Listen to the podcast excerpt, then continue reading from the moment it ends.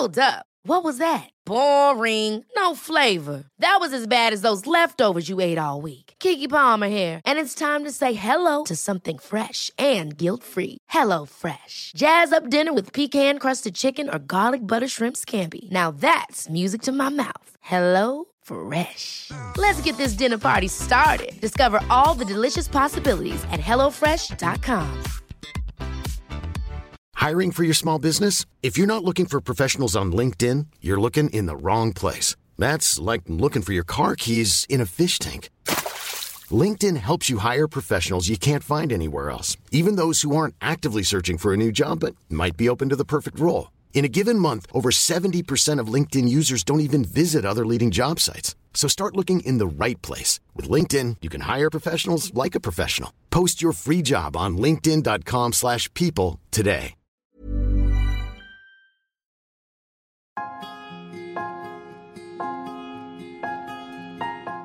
أنا بفتكر كتير وأنا صغيرة وأنا بكبر وأنا في مرحلة المراهقة إزاي كنت بحاول ألاقي إجابات عن أسئلة ليها علاقة بجسمي ليها علاقة بنموي آه، بمشاعري بسن المراهقة بإيه اللي طبيعي إنه بيحصل إيه اللي مش طبيعي إنه بيحصل وإزاي كنت بلاقي صعوبة في إن أنا ألاقي آه، المعلومات دي بشكل سلس وبسيط ومناسب لسني. مفهوش لغة كده تخويفية وترهيبية؟ بالنسبة للمرشدة النفسية مش عارفة إيش ممكن يكون اسمها عنا بالمدرسة لأنها ما كانت.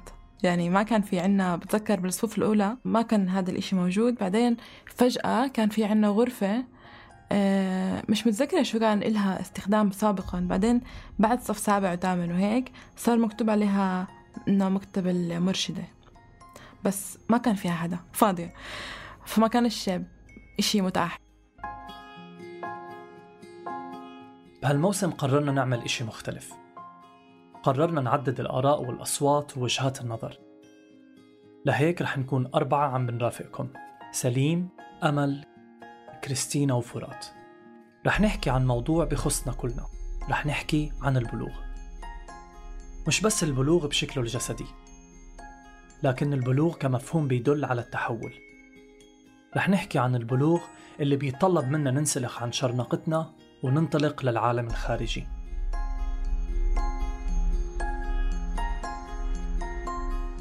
واليوم رح أكون معكم أنا سليم سلامة.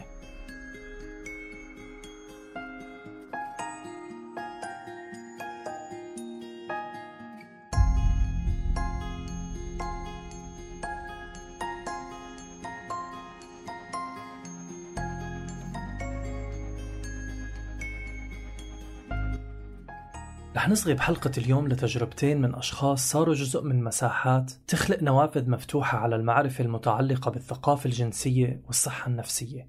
تجربة من طرف مستفيدة من إحدى المساحات وتجربة من إحدى العاملات بمساحة تانية.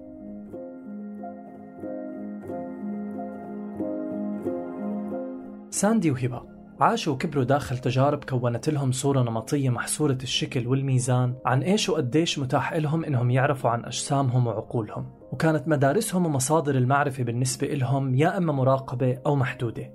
بيستذكروا ساندي وهبة معي مواقف مطبوعة بذاكرتهم عن أيام المراهقة ومراحل سن البلوغ. يلي مثل جزء كبير منا قضوها بالمدارس. هالمكان يلي بدون شك بيلعب دور كبير ومهم بتشكيل هوياتنا.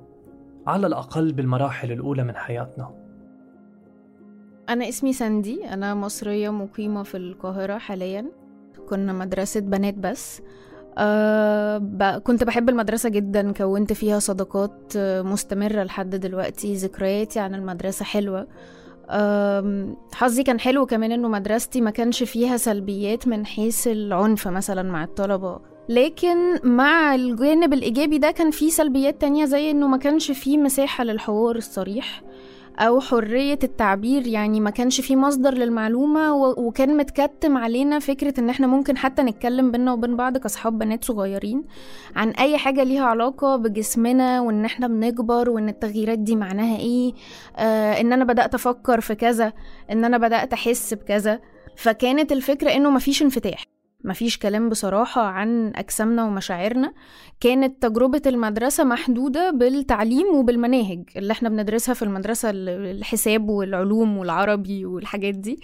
آه، من غير أي كلام عن أي حاجة ليها علاقة بينا إحنا كأشخاص عندها مشاعر بتتطور وعندها احتياجات بتتطور وعندها جسم بينمو آه، ومحتاجة تتعلم عنه.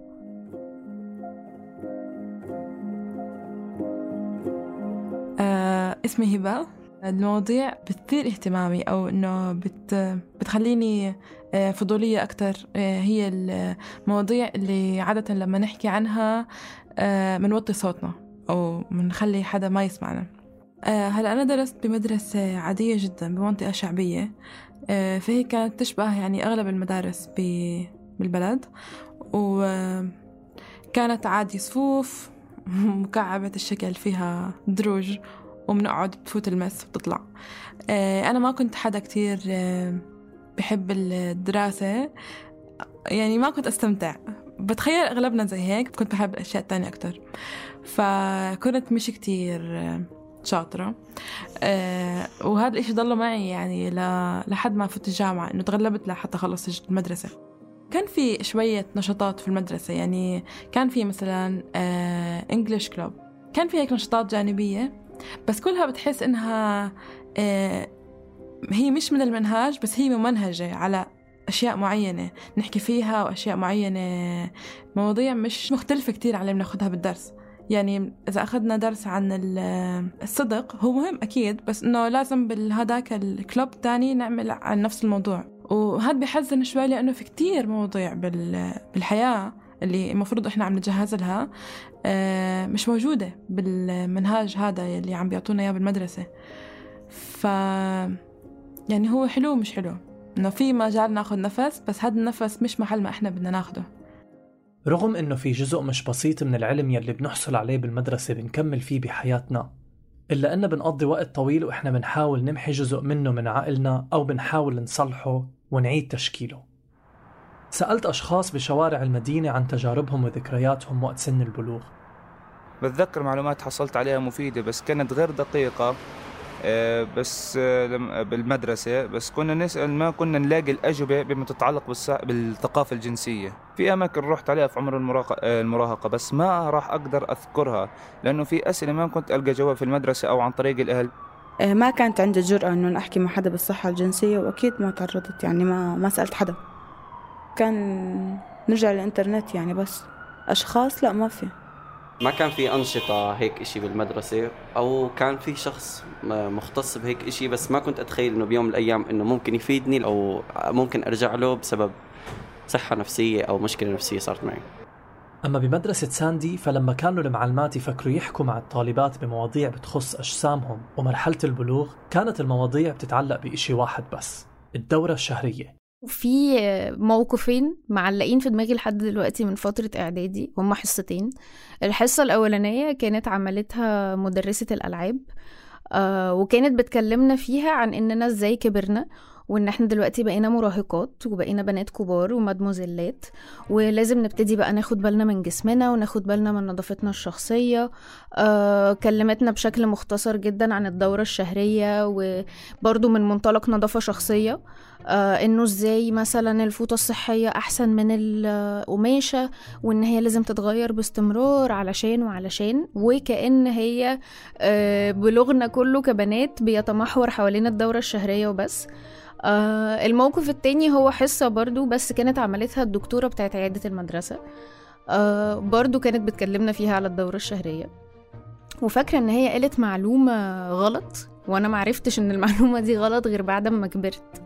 آه كانت بتقول لنا إن إحنا ما ينفعش ننزل البحر أو البول وإحنا عندنا البيريد علشان لو المية دخلت إحنا ممكن يجيلنا عقم وما نعرفش نخلف اطفال لما نكبر.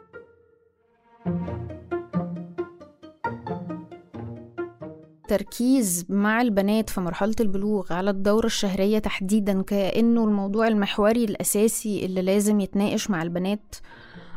في أي مساحة بتحاول تدي تثقيف أو تعليم له علاقة بالصحة الإنجابية والجنسية هو جاي من حتة سلبية للأسف إنه آه، في نظرة كده واصمة لسه لحد دلوقتي شايفة إنه الدورة الشهرية دي آه، عيب. عيب بمعنى إن هي حاجة لازم تستخبى حاجة ما ينفعش حد يعرف إن هي بتحصل دلوقتي وحاجة لازم تفضل تكون بتحصل في السر. فتحس كأنه في شعور إن مفيش داعي إن أنا أتكلم مع الستات عن الجنس أصلا. مفيش داعي إن أنا أتكلم مع الستات على الرغبة مفيش داعي أتكلم مع الستات على تكوين جسمهم ومين الأعضاء المسؤولة عن المتعة في جسمهم آه وبتشتغل إزاي. ولو في المقابل عند الأولاد في مساحة للتعليم ده أو للمعرفة دي غالبا هتكون مركزة أكتر على الاستمتاع الذاتي الاحتلام القصف الأول مرة حجم العضو الذكري حاجات رايحة أكتر في الناحية بتاعة الجنس والمتعة. آه وحتى لو كانت في شكل برضو سلبي فيه تقنين وإنه ما ينفعش تعمل كده. لكن بالنسبة للبنات هو في غياب تام للكلام عن المتعة وعن الرغبة كأنه البنات كده كده ما عندهاش رغبة ومش مهم متعتها هي دورها في الحياة هو الدور الإنجابي أو قصة الجنس في حياتها هو الدور الإنجابي اللي هي لما تكبر هتقوم بيه لما تبقى تتجوز عشان هتبقى أم.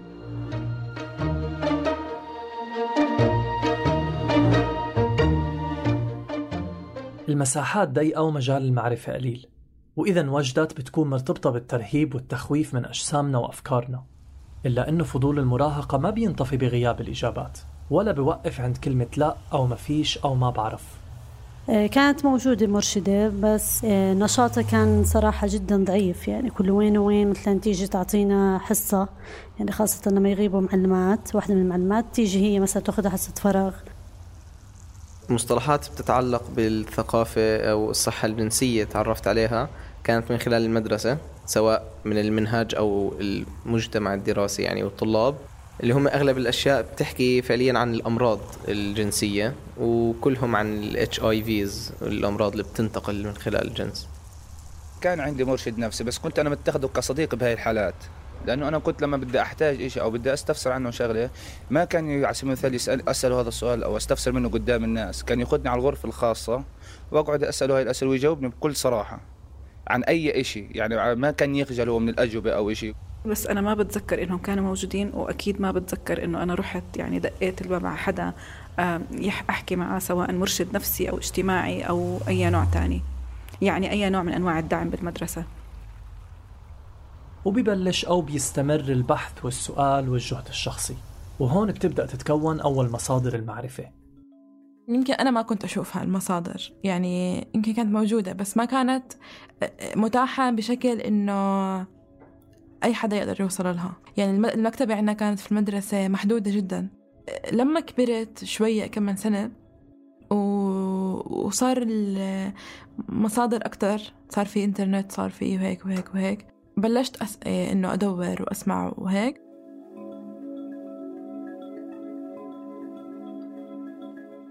لما كبرنا شوية في ثانوي بدأنا كبنات مع بعض في المدرسة نفتح المواضيع عن استحياء. يعني ما بنتكلمش في الحاجة بشكل واضح وصريح. بنقعد كده ندي آه، تلميحات إن أنا بتكلم على حاجة كده من بعيد لبعيد وهي لو فهمتني هنكمل كلام فيها لو ما فهمتنيش يبقى أنا خلاص أعفيت نفسي من الإحراج بتاع إن أنا فتحت موضوع يمكن ما كانش مناسب إن أنا أتكلم فيه. آه وده كان المصدر الوحيد. بعد كده لما دخلت الجامعة وبدأ يبقى فيه هذه الثقافة بتاعت إنه بينفع نسأل جوجل أي حاجة بدأت أحاول أستخدم الإنترنت وأكتب أسئلتي وأكتب كلمات وأجرب أشوف إيه النتائج اللي هتطلع لي. وبعدين أكتشف إنه التدوير بالعربي حاجة صعبة جدا لأنه المصادر اللي متاحة بالعربي هي مصادر كلها مش علمية. وبالتالي فيها معلومات كتير غلط أو معلومات مضللة يعني. فحاولت استخدم الانجليزي بس مش دايما كان بيسعفني لأنه معرفتي بس بالانجليزي كمان مش كفاية أنا مش عارفة أصيغ السؤال إزاي.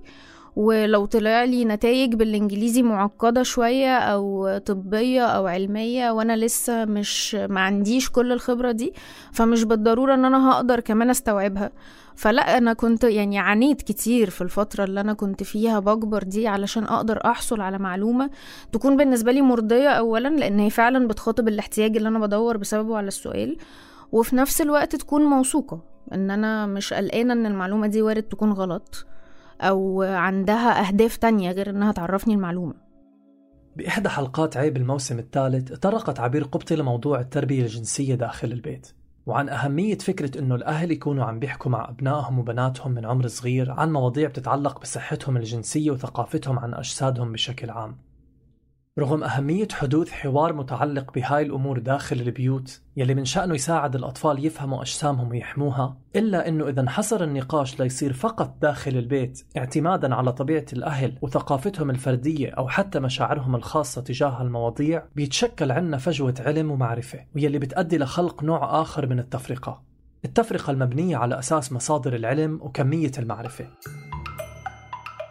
لهيك وجود مناهج ومواد موثوقة وافية ومناسبة للمراحل العمرية حسب اختلافها بيخلق توازن وعدل بتوزيع المعرفة على الأشخاص خصوصا إنها معرفة بتخص أجسادهم وعقولهم يلي هي ملكهم.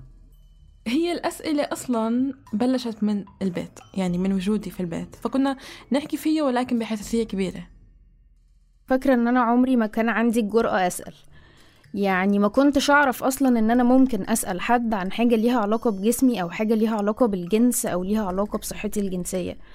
آه فاكرة طبعا إن أنا احترت كتير كمراهقة آه سواء في أسئلة من نوعية هل أنا كده نموي طبيعي هل أنا شكل جسمي كده طبيعي حجمي طبيعي أنا كده بلغت أنا كده ما بلغتش. هل طبيعي إن أحس برغبة؟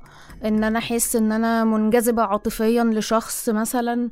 وفضلت في الدوامات دي كتير. آه ما عنديش مصدر أقدر أروح أقول له أنا عندي سؤال عايزة أعرف إجابته. واحد اتنين تلاتة. ورغم التأخر لكنه حصل والتغيير أو المعرفة حصلت عليها ساندي لكن بجهد فردي. حولت فيها التساؤلات والدوافع للمعرفة المعرفة الصحيحة للأمور المبنية على أساس علمي لأجوبة وطريق بيقدر يساعدها أنها تفتح باب كان مسكر لوقت طويل. الصدفة جابت إن أنا أول فرصة عمل اتعرضت عليا كانت في مؤسسة غير هادفة للربح في مصر وكان أول مشروع أنا يعني اشتغلت جواه كان ليه علاقة بالتوعية على مواضيع الصحة والحقوق الجنسية والإنجابية. فدخلت كده أشوف إيه الناس بتقول إيه بقى في المجال ده ويقصدوا إيه بده ويقصدوا إيه بده. وبدأت بقى أبني خبرتي وهناك اكتشفت شغفي الكبير واهتمامي بالمواضيع دي. وبدأت تتراكم خبرتي وبدأت أقدر أحدد أنا بقى مهتمية بإيه بالظبط جوه المواضيع دي. وبعد فترة بعملها الرسمي الأول لقت ساندي طلب توظيف تاني. الطلب كان صادر عن منصة اسمها الحب ثقافة. هالمنصة تأسست عام 2014 وهي عبارة عن موقع إلكتروني ملحق بحسابات على كل مواقع التواصل الاجتماعي وبوفر معلومات ومصادر علمية موثوقة بلغة عربية مبسطة عن الجسد والصحة الجنسية من غير تحيز أو تحفظ. فاكرة إن أنا قبل ما أشتغل في المشروع كنت كمان من المتابعين المعجبين جدا بمنصة الحب ثقافة وكنت بتابعها باستمرار علشان أعرف منها كمان معلومات لنفسي ومعلومات للشغل اللي أنا كنت بشتغله. وفاكرة إن هم فتحوا دعوة في أواخر 2015 كانوا عايزين منسقين يردوا على أسئلة الناس اللي بتيجي على الموقع. وساعتها صديقة عزيزة جدا كانت بعتت لي الدعوة دي لأن هي شافتها أونلاين بتقولي أنا شايفة إن أنت المفروض تقدمي على الشغلانة دي فأنا ساعتها كنت اللي هو أنا بقالي بس سنة ونص مثلا بشتغل في المجال ده وشايفة إن أنا لسه صغيرة والحب ثقافة ده مكان كبير قوي. آه فأنا أكيد يعني مش مش هبقى مناسبة للوظيفة دي. المهم قدمت واتقبلت. المنصة الناطقة باللغة العربية هي جزء من شبكة منصات الحب ثقافة العالمية المتوفرة بأكثر من لغة. لكنها بتعمل بشكل مستقل بكل بلد لتعكس احتياجات الأشخاص حسب أماكن معيشتهم واختلافهم الثقافي والمعرفي. يعني ما في مادة واحدة بيتم كتابتها وترجمتها لجميع النسخ. وإنما كل فريق بيقوم بإعداد المواد اللي بتخاطب جمهور منطقته. وبينما ساندي كانت عم بتلاقي نفسها بهالمكان هبة كانت عم تبحث عن هويتها العملية وشغفها الحقيقي. لما طلعت النتائج تبعتي آه أنا كنت راسبة. بنفس اليوم أنا انعزمت على إني أحضر مهرجان. فإنه إنه كتير كان إنه يعني إنه في جهة من العالم عم تحكي إني أنا حدا فاشل وراسب حرفيا. وفي جهة تانية عم تحكي إنه آه إحنا بدنا ندفع لك كل إشي تيجي تحضري معنا هذا الإشي وتستفيدي وتفيدي. ونفس الإشي أهلي يعني إنه هم مش قادرين ينبسطوا أو يزعلوا. فمن هناك بلشت إنه أستوعب إنه أنا يمكن لا بتعرف شو؟ أنا مش راسبة أو أنا مش فاشلة. أنا يمكن مكاني محل تاني اللي لازم أكون فيه مش هون. فهون عرفت إنه في أكثر من مجال الواحد بده يروحه بحياته. مش لازم الخط هذا يلي آه، من لما انولدنا شايفينه قدامنا إنه تروح مدرسة وتروح جامعة بعدين تشتغل وتتجوز وخلصت لا في كتير مسارات أخرى إنه نروحها. فهون بلش أشوف هاي المسارات. بس نرسب بالتوجيه بنقعد بنختار الأغلب بيختار إنه ياخد دراسة منزلية فإنه بتبطل لازم تروح على المدرسة وهيك. فأنا كنت بالبيت بهاي الفترة.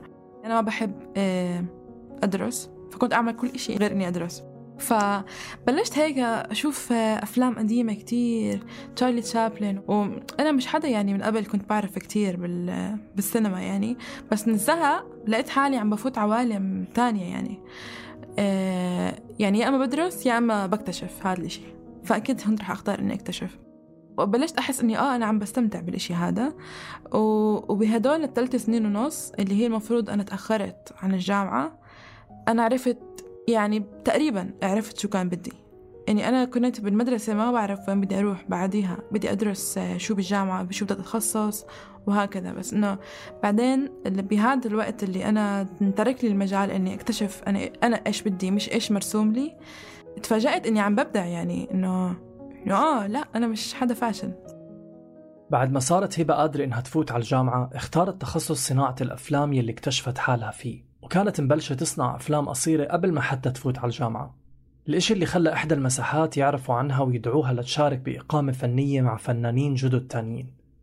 هالمساحة هي مساحة أمان وهي مساحة فنية آمنة مفتوحة للجميع بدون تمييز أو إقصاء. بتتيح المجال للأشخاص أنهم يعبروا أو يكتشفوا أجسادهم جنسانيتهم وجندرهم من خلال الفن ووسائط أخرى. هالمساحة بعكس منصة الحب ثقافة موجودة على أرض الواقع وبتوفر مكان ملموس للأشخاص ليقدروا يقابلوا أشخاص شبيهين فيهم أو حتى مختلفين عنهم لكن بيحترموا اختلافهم. وبتيح لهم المجال ليشاركوا ببرامج صحة نفسية، إقامات فنية أو ورشات عمل. هبة كانت إحدى المستفيدات من مشاريع هالمساحة.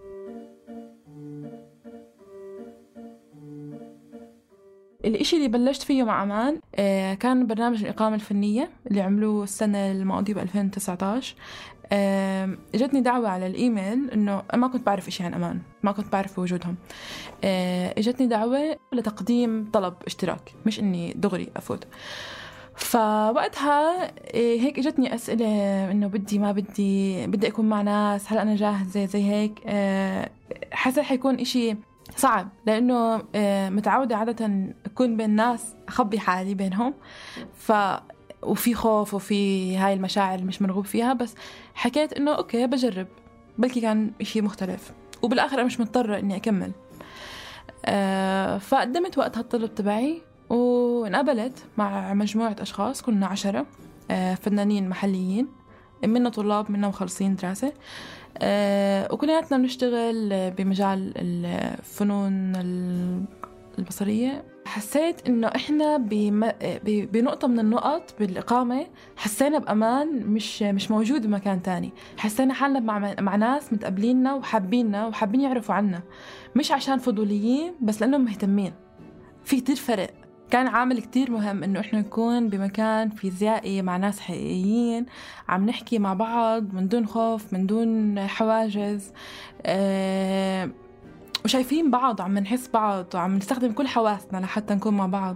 يعني علاقة بخمس حواس كان كثير مهم إنه هيو جنبي الشخص وأنا عم بكون أنا ما في بيننا شاشة ما كان في بيننا أي إشي حاجز إن كان حاجز آه، داخلي أو حاجز فعلي فيزيائي. ف آه هذا كان إشي كتير يعني أثر على كيف كانت تجربتنا. بالآخر كل حدا منا طلع بعمل فني تفاجأ منه. يعني أنا طلعت بمجموعة صور ما بعرف كيف طلعوا. يعني عن جد ما بعرف. كان كان في عندي مجموعة أفكار بدي أشتغل عليها ولا وحدة اشتغلت عليها اشتغلت على هذا الإشي اللي طلع معي خلال الإقامة الفنية. عادة المساحات المتواجدة على الأرض زي مساحة أمان مثلا بيواجهوا تحديات مثل طبيعة المحيط أو الاكتفاء المادي لتغطية تكاليف معينة مثل أجار المكان أو مصاريفه. وأحيانا التحديات بتكون متعلقة بتصاريح فتح هيك أماكن حسب البلدان وقوانينها والرقابة على المواضيع المطروحة. هالتحديات مش بالضرورة تواجهها المنصات الموجودة على الإنترنت. طبعا ما عم بنفي إنه حتى منصات الأونلاين ممكن يتعرضوا لحجب أو هجوم أو حتى منع مزاولة العمل. لكنهم عندهم ميزات تانية ممكن تعوضهم عن غيابهم على الأرض. أنا شايفة ان وجودنا على الأونلاين هو شيء ضروري وهو شيء إيجابي جدا لعدة أسباب. اولا ال- الفئة المستهدفة اللي إحنا بنشتغل معاها اللي هم الشباب هم موجودين أونلاين فأنا لازم أروح لهم المكان اللي هم موجودين فيه. حاجة كمان هي إنه من خبرتنا مثلا في كل الاستبيانات اللي اتعملت سواء من خلالنا أو من خلال شركاء مثلا شغالين في نفس المجال دايما السؤال بتاع آه، الموجه للشباب بتاع إنه إحنا بنجيب معلوماتنا منين لما بنعوز نعرف حاجة عن الجنس والعلاقات مثلا والصحة الجنسية. أول إجابة دايما بتكون الإنترنت. فهو ده المكان الأول اللي الناس بتروح تدور فيه على المعلومة. إذا أنا لازم أكون موجودة في المكان ده خاصة كمان إنه في ندرة في وجود المعرفة العلمية دي باللغة العربية. يعني يمكن التدوير بيبقى أسهل كتير بالإنجليزي. بس لو أنا ما بعرفش إنجليزي أو حتى لو بعرف إنجليزي ممكن أكون مش مستريحة في إن أنا أستخدمه في التدوير في حاجة م- دقيقة قوي كده أو م- م- متخصصة قوي كده أكيد أسهل لي وأريح لي كتير إن أنا أدور عليها بلغتي الأم. فكل دي حاجات بتوريني إنه إزاي وجودنا على الإنترنت هي حاجة فعلا إيجابية وحاجة ضرورية آه، لا يمكن الاستغناء عنها. أنا لو أنا مساحة موجودة بس offline فأنا ب- ب- بالطبيعة بالضرورة هكون متاحة لأشخاص محدودة جدا اللي يقدروا يجولي المكان ده. لكن أنا وجودي أونلاين مخليني في موبايل كل شخص. هالملاحظات اللي ذكرتها ساندي عن إيجابيات وجودهم أونلاين صارت مع الوقت. إضافات استحدثتها مساحة أمان للوصول للناس اللي مش موجودين بالمساحة. ومع أنه مبدأ فكرة وجودهم بيتطلب وجود الناس مع بعض بمكان فيزيائي إلا أنهم بيحاولوا يخلقوا حوار موازي أونلاين ليوصلوا للأشخاص يلي ما عندهم امتيازات الوصول إلهم على أرض الواقع. فأنشأوا website للمساحة واستخدموا مواقع التواصل الاجتماعي لنشر فيديوهات توعوية وبودكاست ومقالات اجتماعية. وأيضا كوسيلة لنشر طلبات تقديم لورشات العمل والنشاطات يلي بتحصل بالمساحة نفسها. لكن إمكانية التواجد أونلاين ما بتعني انتهاء التحديات. الحب ثقافة بيواجهوا تحديات تانية مثل تحدي ترجمة وتعريب المصطلحات والكلمات العلمية. واللي بتحتاج تكون سلسة ومش مرتبطة بالترهيب أو التخويف مثلا أو التحيز لفئة معينة أو جمهور محدد. فطول الوقت لما بنحاول ندعم ال- ال- المعلومات وال وال والكلام اللي إحنا بنتكلمه ببيانات ومعلومات علمية متاخدة من دراسات بنلاقي صعوبة شديدة في إن إحنا نوصل لمعلومات جاية من المنطقة بتاعتنا فعلا من أبحاث حديثة وعلمية معمولة في المنطقة بتاعتنا بتتكلم في الموضوع اللي إحنا بنتكلم فيه فبنضطر في أوقات كتير إن إحنا نلجأ لأبحاث معمولة في مناطق مشابهة يمكن لينا شوية ونحاول نقرب الدنيا قدر الإمكان حتى مثلا مفيش أبسط الحاجات يعني المساحات حتى اللي بتتعمل على السكان. آخر حاجة أفتكر في مصر آخر نسخة كانت طالعة في 2014 ومن ساعتها هو بقالنا ست سنين. آه مفيش نسخة جديدة. فحتى الحاجة الوحيدة اللي كنا بنقدر نعرف منها مثلا آه، قد إيه من الناس بتستخدم وسائل منع الحمل؟ قد إيه من الناس عندها عداوات منقولة جنسيا؟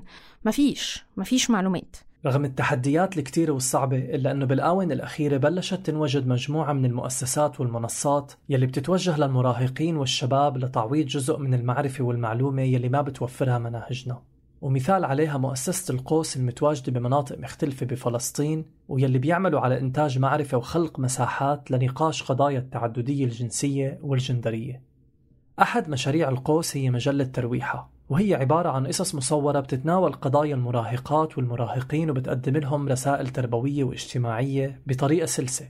استخدام المجلات المصورة لإيصال فكرة معينة بيساعد على التخاطب مع الفئات العمرية الحساسة. مثل سن المراهقة ومرحلة البلوغ. بيتم في طرح المواضيع بأسلوب سردي عن طريق شخصيات مستوحاة من مجتمعاتنا وثقافتنا. ساندي كمان ذكرت لي إنه من الأشياء يلي بيحاولوا إنهم يعالجوها بمحتواهم على منصة الحب ثقافة هو التعرف على أنفسنا بهدف الاستمتاع فيها مش بس بسبب الخوف منها أو عليها.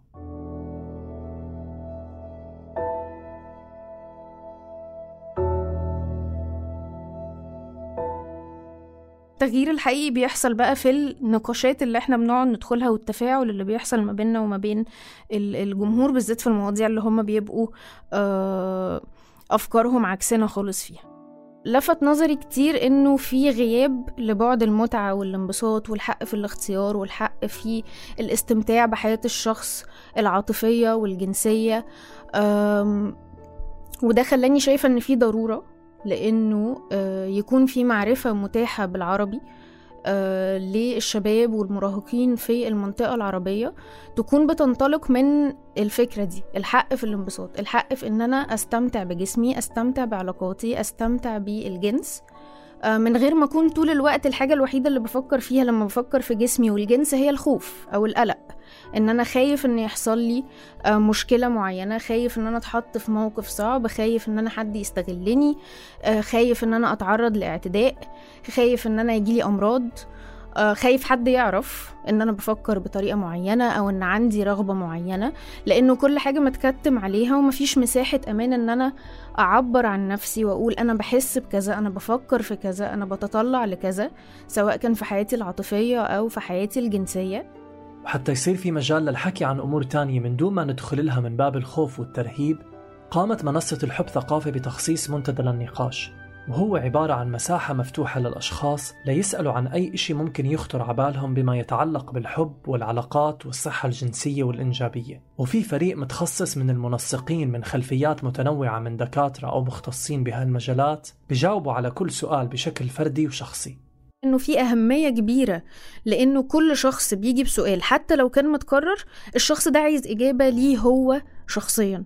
وإحنا بنحرص إن إحنا نعمل ده طول الوقت وفريقنا بيعمل ده طول الوقت على المنصات المختلفة سواء كان على منتدى النقاش على الموقع أو في الإنبوكس بتاع منصات التواصل الاجتماعي المختلفة أو كمان في التعليقات اللي بتيجي على المحتوى لأنه حتى التعليقات اللي بتيجي على المحتوى ساعات بتكون جواها أسئلة. لأنه مع الخبرة على مدار السنين اكتشفنا إنه معظم الناس اللي بتيجي تسأل على قد ما هي فعلا بتفتقد لمعلومة علمية معينة عايزة تعرفها على قد ما الدافع اللي جايبهم هنا هو إنهم بيدوروا على حد يطمنهم. هم حيرانين أو خايفين أو قلقانين من حاجة معينة لأنه في معلومة معينة غايبة عنهم وبالتالي مسببة لهم خوف من موضوع معين. فهم عايزين طمأنينة هم عايزين حد يكلمهم يقول لهم أنا سامعك أنت أنا سامعك أنتي وعارف أنتوا بتمروا بإيه وعارف أنتوا حاسين بإيه وحاسس بيكوا وفاهم ال- ال- الشعور ده ليه موجود عندكم والإجابة أهي. بهالوقت كانت هبة كمان عم تسأل حالها كيف ممكن إنها تلاقي أجوبة. لكن أيضا كيف ممكن إنها توفرها لغيرها بمجتمعها؟ وبوحدة من المرات خلال حضورها لأحد مهرجانات الأفلام صار موقف خلاها تفكر بمبادرة تقدر تنشئ من خلالها مصدر للمعلومة عن طريق الأفلام والفن. آه شفت أفلام آه من بلاد حوالينا يعني مش كتير بعيدة هون لبنان و...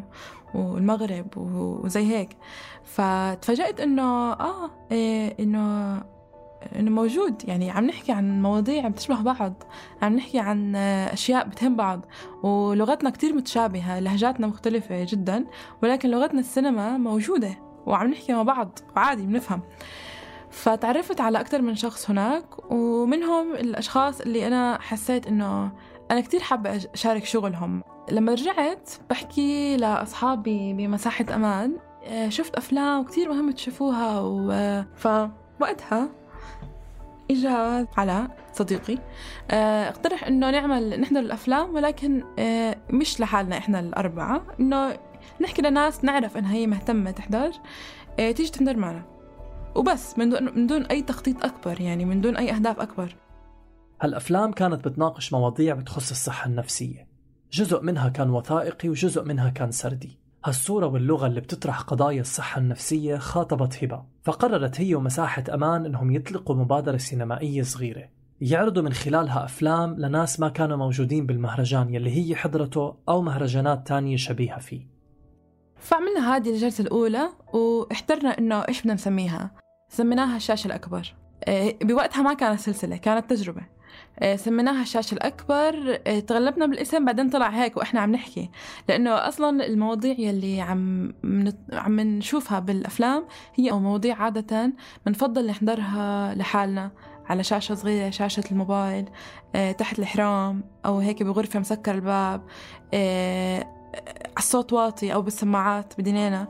بنحاول ما حدا يشوف إن عم نشوفها. فهون كنا شوي عم نطلع شوي من هذه المساحة الصغيرة. بدنا على مساحة أكبر.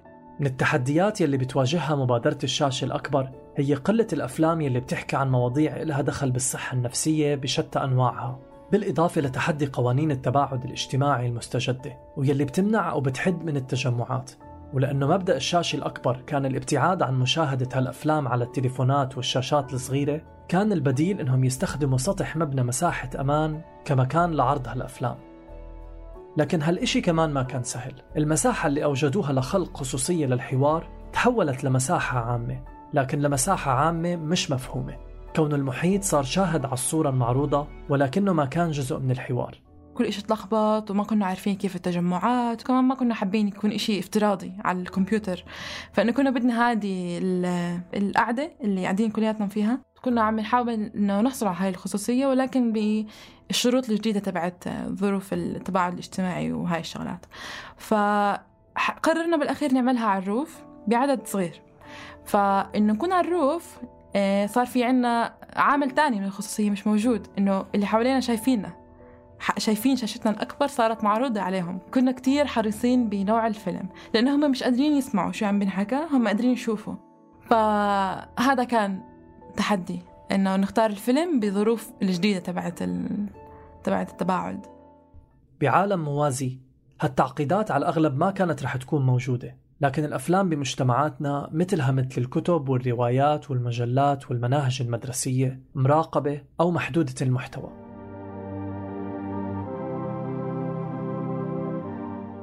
يمكن مناهجنا المدرسية لسه بتحتاج وقت طويل لحتى تتغير. والقوانين اللي بتساعد المعرفة الصحية إنها تدخل على حياتنا من عمر المراهقة يلي هو عمر المعرفة والتساؤلات لسه بحاجة أشخاص من مواقع القرار ليحدث تغيير جذري وفعلي. لكن من هون لوقتها رح تكون هالمنصات والمساحات هي المتنفس والبير يلي بنستخرج منه معلومة أو جواب.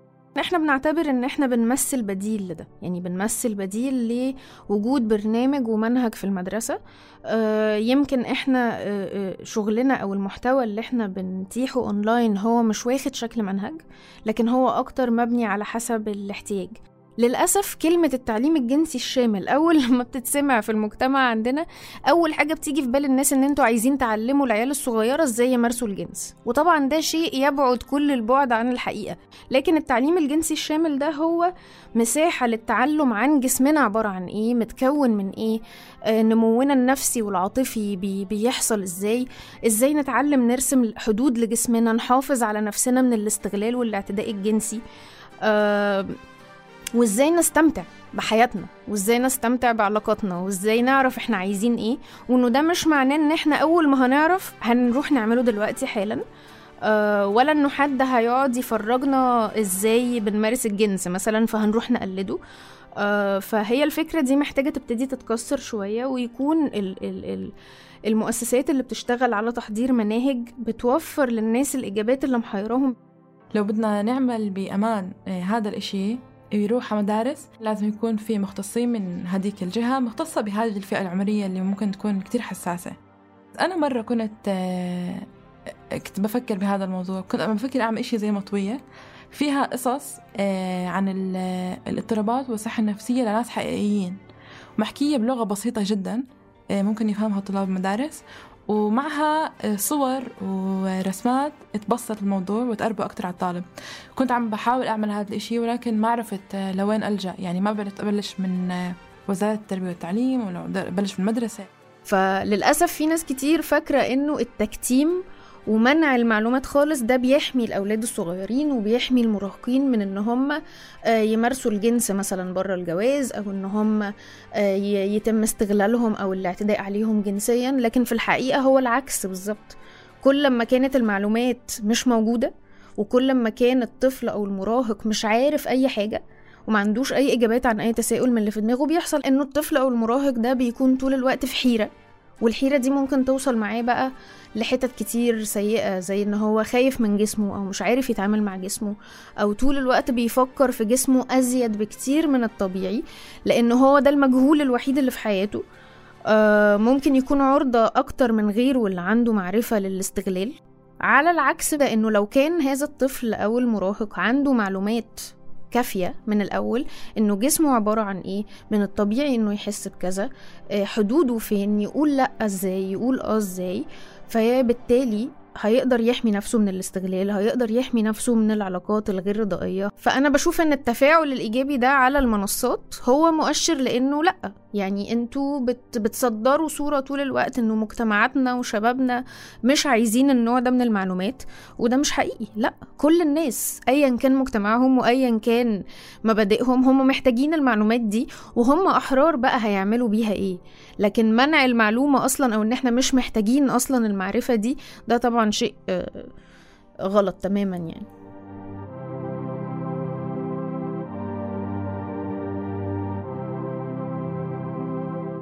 كنت معكم من الإعداد والكتابة والتقديم سليم سلامة. ساعدتني بتوثيق أصوات الشارع نوال مسعود. من التحرير تالا العيسى بمساهمة من رنا داوود. من تصميم الصوت حسان مهرة والنشر والتواصل مرام النبالي بودكاست عيب من إنتاج صوت.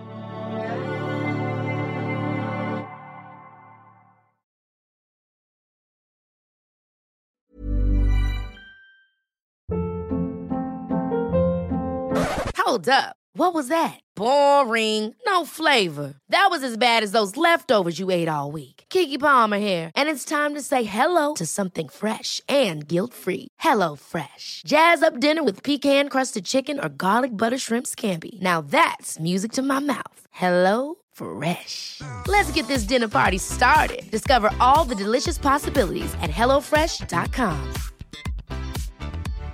If you're looking for plump lips that last, you need to know about Juvederm lip fillers. With Juvederm Volbella XC and Juvederm Ultra XC, your lip look, whether it's subtle or bold, can last up to one full year with optimal treatment and no additional maintenance. Find a licensed specialist and see if it's right for you at juvederm.com today. That's J U V E D E R M.com. Add fullness to lips in adults over 21 with Juvederm Volbella XC or Juvederm Ultra XC. Do not use if you have severe allergies or a history of severe allergic reactions, or if you're allergic to lidocaine or the proteins used in Juvederm. Tell your doctor if you have a history of scarring or taking medicines that decrease the body's immune response or that can prolong bleeding. Common side effects include injection site redness, swelling, pain, tenderness, firmness, lumps, bumps, bruising, discoloration, or itching. As with all fillers, there's a rare risk of unintentional injection into a blood vessel, which can cause vision abnormalities, blindness, stroke, temporary scabs, or scarring. For full important safety information, visit juvederm.com.